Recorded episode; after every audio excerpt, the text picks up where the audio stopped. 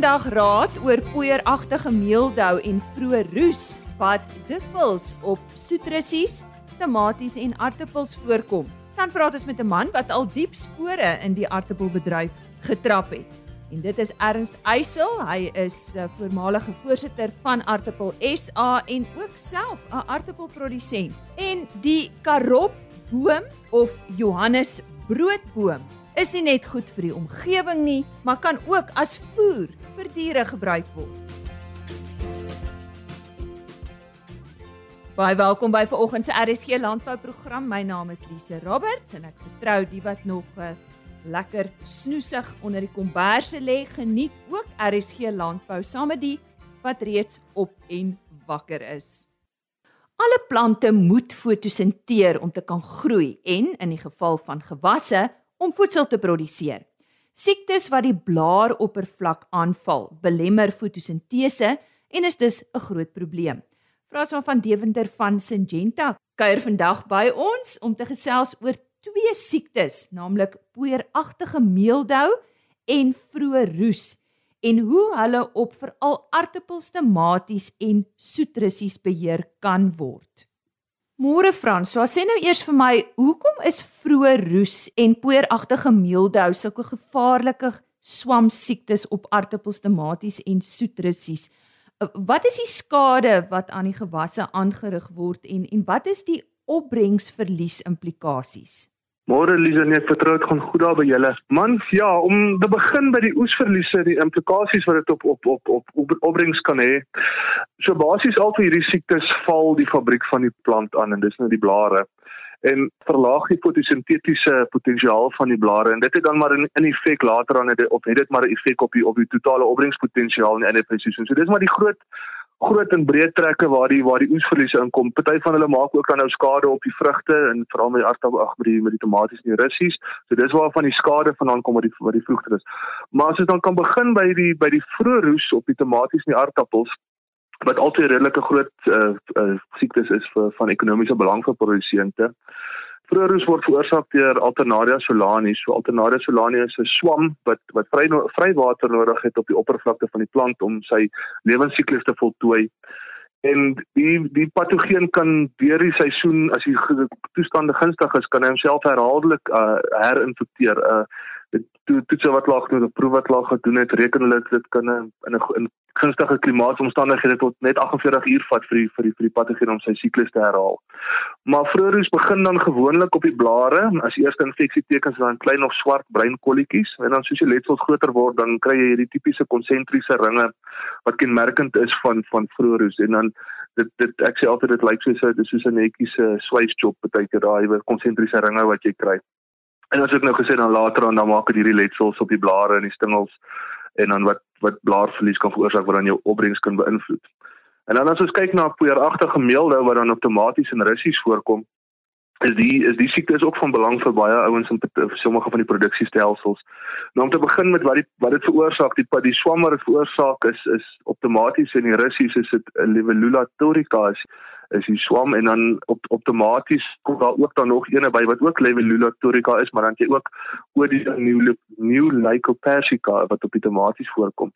Nou poeragtige meeldou se volksnaam verduidelik eintlik vir jou mooi duidelik hoe hoe die letsels of die simptome lyk op die blare, maar wat die ding die patogeen baie belangrik maak is dis hulle noem dit die droëwees siekte. En dis die rede is die die die patogeen het nie het nie nodig vrywater nodig om te om te kan uh, infekteer en te kan versprei nie. Het net hoë immuniteit nodig en dit dit is die groot eienskap wat veroorsaak dat hy so probleme is in die glashuise veral waar die ouens onder produksie is. En dan as siekte druk baie hoog is later dan dan begin die blare op maar kan die blare selfs afsterf.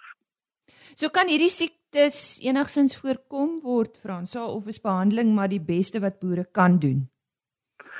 Kyk in 'n monokultuurproduksiestelsel is dit maar altyd 'n uitdaging om die siektes te bestuur, maar eh, die algemene metode is maar voorkoming bly altyd beter as behandeling. En die beste beginsel is maar om altyd so ver as moontlik te kyk na 'n geïntegreerde bestuursprogram en dit dit beteken maar uit alle hoeke uit die siekte drukte probeer ver, verlaag. As ek nou op 'n hoë vlak kan praat, weet, sal die ouens praat van kultivarkeuse en dan wisselbou en en natuurlik nou ek wat in die chemiebedryf is, 'n weldeurdinte spuitprogram, maar ook die algemene plantgesondheid en ek praat van kunsmis so goed ook 'n gesonde sterk plant wat nie onder druk is nie. Is ook uh, ja, dit help alles daarbey. En dan kan jy na spesifieke goeters en gewasse soos aardappels en tomaties en russies kyk is om die inokulum te verander. Goed so sanitasie. Dit beteken om die ou plantmateriaal wat naby die nuwe aanplantings te verwyder. Uh dan ook goed soos alternatiewe gasheer is baie maal van die onkruide te kan beheer. En dan in in party gevalle kan ou na jou besproeiingskedulering kyk of die manier hoe die besproeiing gedoen word as jy in die glashuise en die goeders kyk. En dit help alles met mikroklimate bestuur. Maar dan is daar ook vir siektes soos vroeër is daar nogal 'n hele aantal waarskuwingsplatforms uh, beskikbaar wat ouens kan volg wat mense op die fone kry of op die internet kry wat wat vir jou kan waarsku as die klimaatstoestande begin gunstig raak vir vir die ontwikkeling van die siekte en dan kan 'n ou voorkomend optree. Maar weet die die belangrikste is maar vir is maar vir 'n produsent om nie net op een strategie te te steun om volhoubaar op die antwoord te gaan op die lang termyn nie. So watter eienskappe moet 'n swamdoder hê om vroeë roes en poeieragtige meeldou effektief te kan beheer?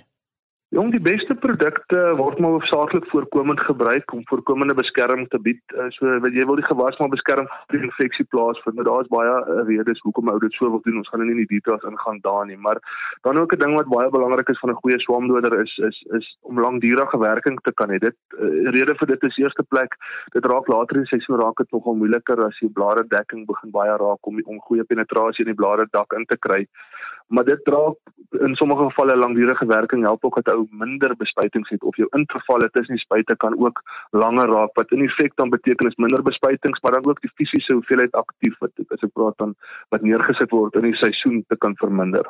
En dan wat men ons niemand van ons hou van sukkel nie so die ander belangrike ding is ook 'n ding wat gerieflik kan toegedien word uh gerieflik hanteer en dan ook 'n buigsame toedieningsvenster het uh en en dan in die, in die, in die uh, gewasse wat in die buite of in die oop lug soos aardappels geproduseer word is baie keer goed soos reënvasheid is ook nogal belangrik. Mm. Maar wat baie belangrik oor die algemeen is is is ou moet altyd maar jou jou aktiewes afwissel om 'n goeie weerstandsbestuurprogram daar te hê om te help om weerstandsbestuur. En ja, en die goue reël is maar altyd lees die etikette, maak seker jy verstaan hulle en en weet presies wat daar aangaan dit. Ja. ja. Nou ja, sê baie dankie vir Franso van Deventer. Hy is 'n uh, tegniese deskundige op swamdoders by Syngenta en hy het natuurlik vandag met ons gesels vir al ons produsente wat aardappels, tomaties en soetrussies moet aanplant en hy het vir ons raad gegee oor twee siektes, naamlik poeieragtige meeldou en vroeë roes en nou hoe jy hierdie siektes kan beheer. Ernst Eysel boer op die plaas Wonderkuil naby Markwart en dis nou daar in die Oos-Vrystaat. Ernst is 'n aardappelprodusent, maar dis nie al nie. Hy het ook ander vertakkings in sy boerdery en dan was hy vir talle jare voorsitter van Aardappel Suid-Afrika en hy was nog tot onlangs voorsitter van die Potato Industry Development Trust. Nou vandag gesels ons bietjie met hom. Hoe lank boer jy al? Ek is nou nie heeltemal seker nie. Ek het in 1981 begin boer. Ek dink dit moet omtrent 40 jaar wees nou. Waarvan ek so 32 jaar in aardappelproduksie uh, betrokke is. En in hierdie 32 jaar was aardappels vir my en my boerdery en my gesin uh, regtig baie baie goed. Dit is een van die vertakkings waar ons as 'n familie saamwerk.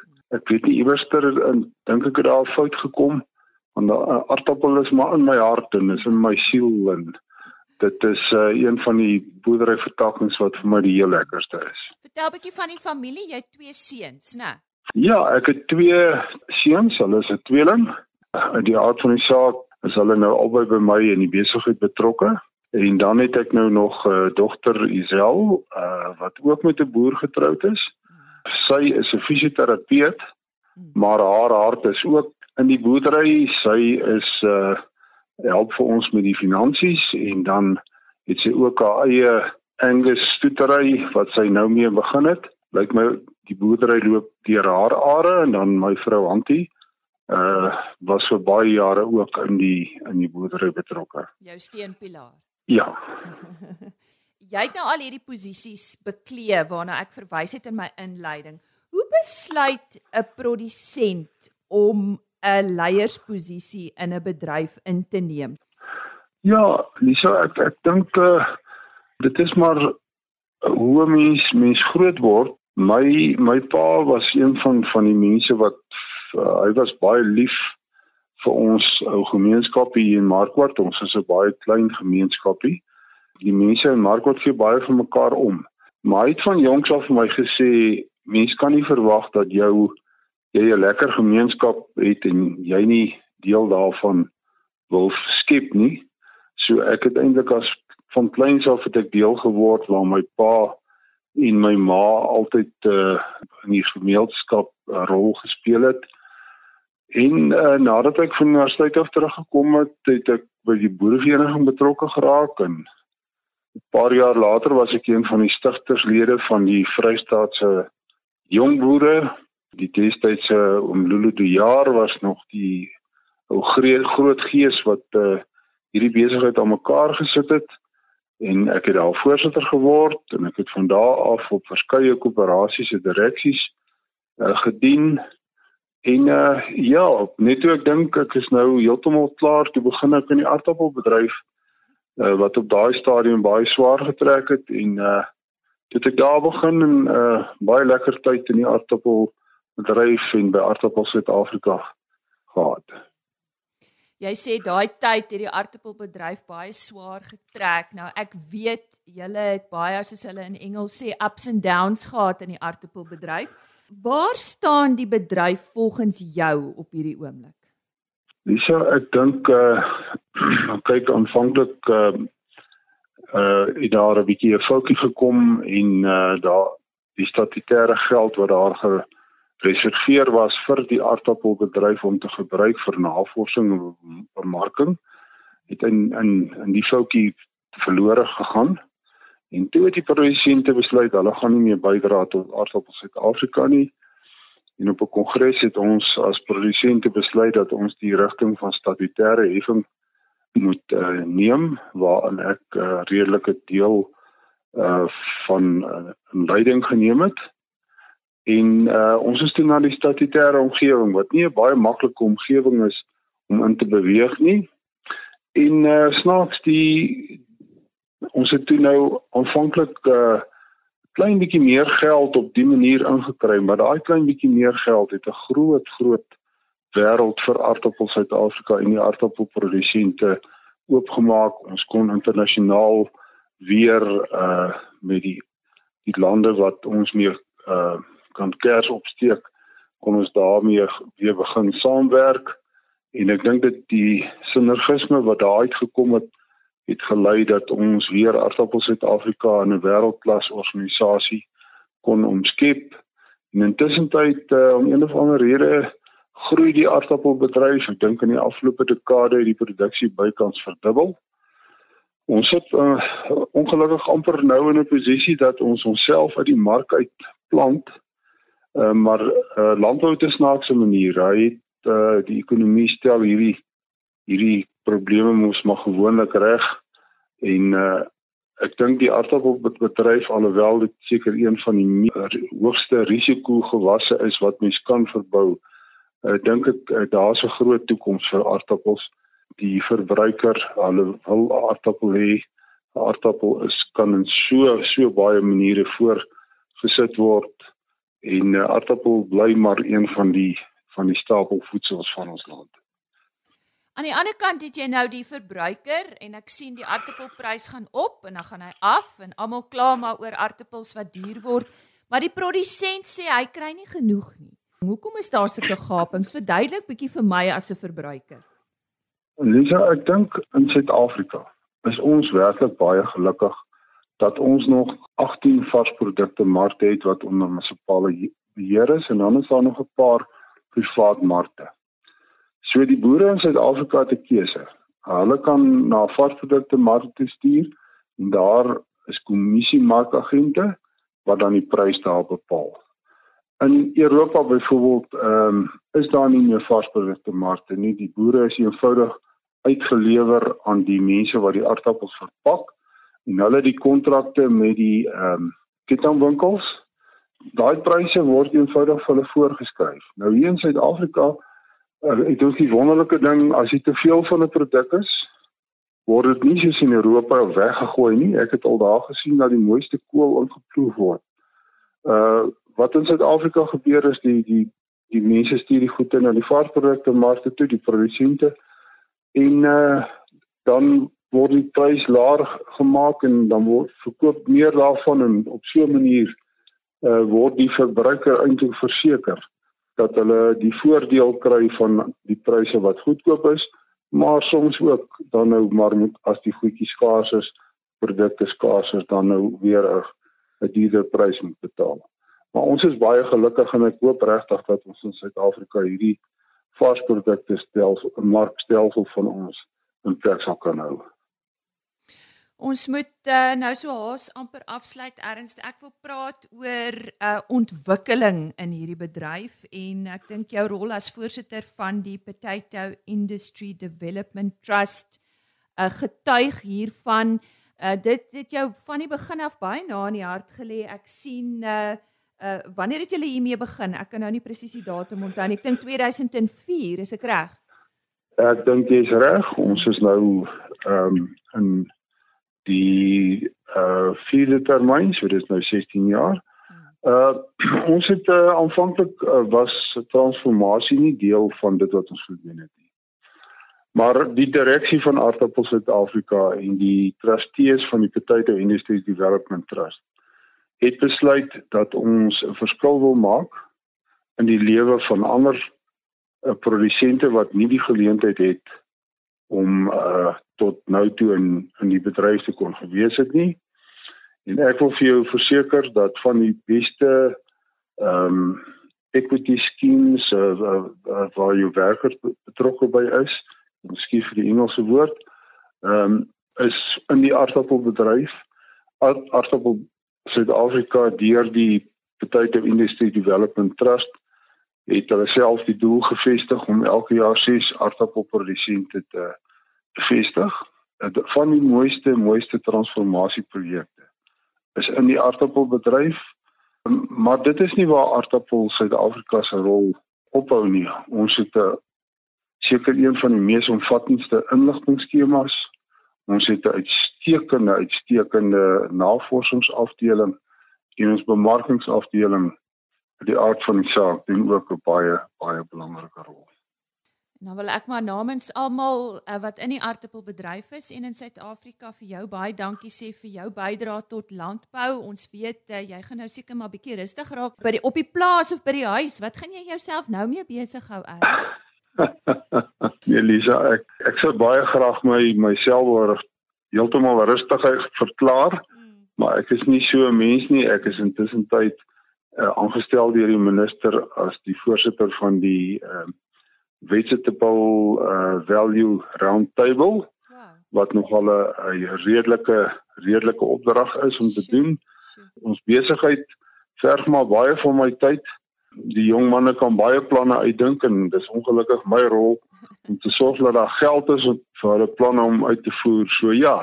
Nee, ek gaan nie heeltemal rustig wees nie. So Nou ja, soos die Erns Eysel, hy is 'n uh, aartappelboer onder meer en natuurlik ook voormalige voorsitter van Aartappel Suid-Afrika en van die Potato Industry Development Trust. In 30 sekondes Erns om jy af te sluit, net 'n boodskap vir jou opvolger, uh Dr Ben Pieterse.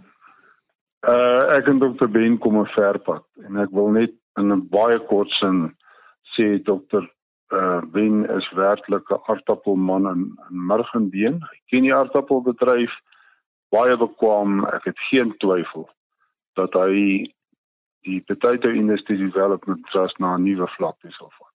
Orsy. So sê Ernst Eysel. Op die Facebook-blad Boere Gesels is raad gevra oor die aanplant van bome vir voerproduksie, veral vanaf boere in die droogtegebiede. Nou verskeie boomtipes is genoem soos die soetpeel, moringa en uh seker die bekendste is die suidwesdoring wat 'n uh, Prosopis spesies. Nou Dr. Karel Miller het raad hieroor en hy gesels vandag met ons uh, oor hierdie interessante onderwerp. Karel, waarom is die Prosopis bome eintlik nie 'n goeie keuse nie? Goeiedag. Hallo Lise, ja, eh, goeiemôre en goeiemôre aan die luisteraars. Kyk, die die Prosopis bome het eintlik in in onbruik geraak as gevolg van die grootskaalse bosindringing wat dit veroorsaak. Die die boomtipes is hier in die laat 1800s, vroeg 1900s Suid-Afrika toe ingevoer Uh dit staan ook bekend as die Suidwesdoring of die Meskiet. Dit word dit in steeds aangenoem. En destyds het hulle gedink dit is 'n verdroogde voer vir skape en vir brandhout vir die dooddiere dele van Suid-Afrika. Maar nou veroorsaak dit geweldige bosindringing. Jy kan dit maklik sien as jy byvoorbeeld nou sou ry van Calvinia of Appington en sien dit is digte boskasies in die in die rivierloope. En daar word eintlik nou heelwat navorsing gedoen om hierdie bosindringing te beheer. So die, die probleem is eintlik dat die pele gemaal moes gewees het toe hulle dit gevoer het. Nou die gewoonlik het die skape dit net direk van die grond af gegeet. Die sade gaan deel, heel deur die spysverteringskanaal en dan word dit ontkiem dit maklik omdat die maagsappe daarop ingewerk het. En so versprei dit waar die skape wy en met die sterk pinwortelstelsel wat dit kan kan dit water diep onder die grond gaan uithaal. Nou vandag gesels ons met jou oor die karopboom. Jy beveel aan dat dit aangeplant word. Vertel ons bietjie van hierdie boomsoort. Ja, die die karop of of die Johannesbroodboom is eintlik meer bekend as 'n suurboom in huistuine. Mense het baie dikwels sien in in stedelike gebiede op sypaadjies, net veral in in 'n uh, parkeerareas En dit is omdat die bome ook 'n sterk penwortelstelsel het wat wat die sypaadjie nie opbreek soos wat die geval is met sommige musiekesbome wat ook baie gehard is. En uh, dit lyk nie alles ook baie goed bestand in die warm en die droë toestande wat jy in 'n parkeerarea kry. Wat me, mense nie altyd besef nie is die of bekend is nie is die, is die voedingswaarde van pele beide van vir, vir diere en vir mense. En die produkte die produkte wat mense nou normaalweg gebruik sien jy gewoonlik net in gesondheidswinkels Nou karobome kom oorspronklik van die Mediterrane lande, vanaf Spanje tot Suidwes uh, Asië, Israel byvoorbeeld. En in sommige van hierdie lande word reeds in meer as 4000 jaar verbou en as 'n dierevoer vir menslike gebruik ge uh, aangewend. Dit kan maklik bewaar word en dit kan net so geëet word. Die uh, Spanje byvoorbeeld produseer baie karoppoeier en die en die gesondheidsprodukte wat in Suid-Afrika vervaardig word, uh, word gewoonlik ingevoer van Spanje. Net so vir agtergrond, dit word die Johannes broodboom genoem omdat uh, Johannes die Doper uh na alle waarskynlikheid die pele daar geëet het toe hy in die woestyn was. Die Bybel word genoem dat hy sprinkanig geëet het, maar die boom staan ook bekend as die locuspot. En moontlik is die vertaling 'n bietjie te letterlik. En dis waarskynlik ook 'n roppele wat die verhaal van die verlore seun en skape gevoer het. En dan was die sade van die kroppele en daai tye was dit ook gebruik as 'n gewigsmaat omdat dit so baie eenvormig en groot en gewig is. En blykbaar is die woord karate 'n Arabiese woord vir karop. Karel, jy het nou vinnig daaraan geraak, maar kom ons gesels verder oor die voordeel van die aanplant van die boom vir diere. Dit uh, die die boomaard vreeslik goed in die meeste omgewings en klimaatstoestande. Dit groei in die Weskaap, dit groei in Pretoria, enige plek eh, groei dit baie goed in die Weskaap. Ja, sien selfs die beste geskik want die teele val af en is ryp in die somermaande wanneer dit droog is. Dit natuurlik verskriklike goeie skade weer in die somermaande en en omdat die bome bladhoudend is, is dit dan ook baie goeie beskutting vir die wintermaande. En natuurlik nou deesdae met die koolstofkrediete wat jy kan verdien met met die aanplant vir bome kan jy dit uh jy definitief bome aanplant daarvoor. Dan het hulle ook uitgewerk dat die pele kan vir biobrandstof gebruik word. Dit is selfs so hoër energie inhoud as as, suikerriet. En uh, met karobboorde is natuurlik ook nie moontlik nodig dat jy jaarliks die grond hoef te bewerk. En uh, wat wat ons gaan areas waar dit elke jaar gedoen moet word. Hierdie uh studie wat gemaak is oor die chemiese samestelling van die pele, vertel ons bietjie daarvan. Ja, ons het toe ek destyds uh gelees het van die waarde van die karoppele, ons het uh, ons het bome gehad wat verskaalige aangeplant was en ons het die pele toe in mekaar gemaak en ons toe die pele on ontleed eh, die, die heel karoppele, die pele sonder sade en dan ook die karopsade. Nou die die proteïninhoud van die pele is nie baie hoog nie, so in die orde van omtrent so 5 na 6% toe.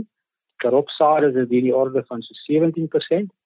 Uh maar wat goed is is die energieinhoud daarvan. Die TVV is ons dit nou totale verteerbare voedingsstowwe is oor die 70%. En uh die rede hoekom dit so hoog is is omdat dit hoofsaaklik suiker bevat. Uh so 50% van karopele is suiker wat in die vorm van sukrose voorkom. So die die potensiaal van die van die bome is eintlik baie goed as jy dink dat bome produseer ten minste 50 ons het selfs gevalle gehad van bome wat 150 kg per boom uh pele produseer. So as jy omtrent 100 bome per hektaar het, is die potensiële energie uh, produksie van daai energie baie hoër as die van die tradisionele graangewasse. En wat wys hierdie studie ook ten opsigte van groei rantsoene? Ons het uh, ons het gelukkig genoeg pele kon bymekaar maak vir 'n voedingsproef. Ons het ons het die pele toe nou gemaal in 'n hamermeel. Dis toe 'n kalf aanvangsmeel en 'n kalf groeimeel uh, geformuleer en dit ingesluit teen so 10 en 14.5% en dan bulkalwers gevoer en die en natuurlik het die het die kontrole meel het geen karoppele bevat nie.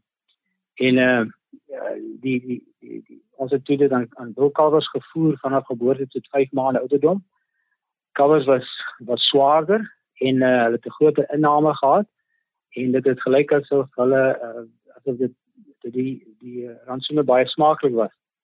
Die, so dit het die studie nou gaan toon dat die gemaalde karop jy kan jy dan nou die die graan wat in die dieet is kan dan vervang.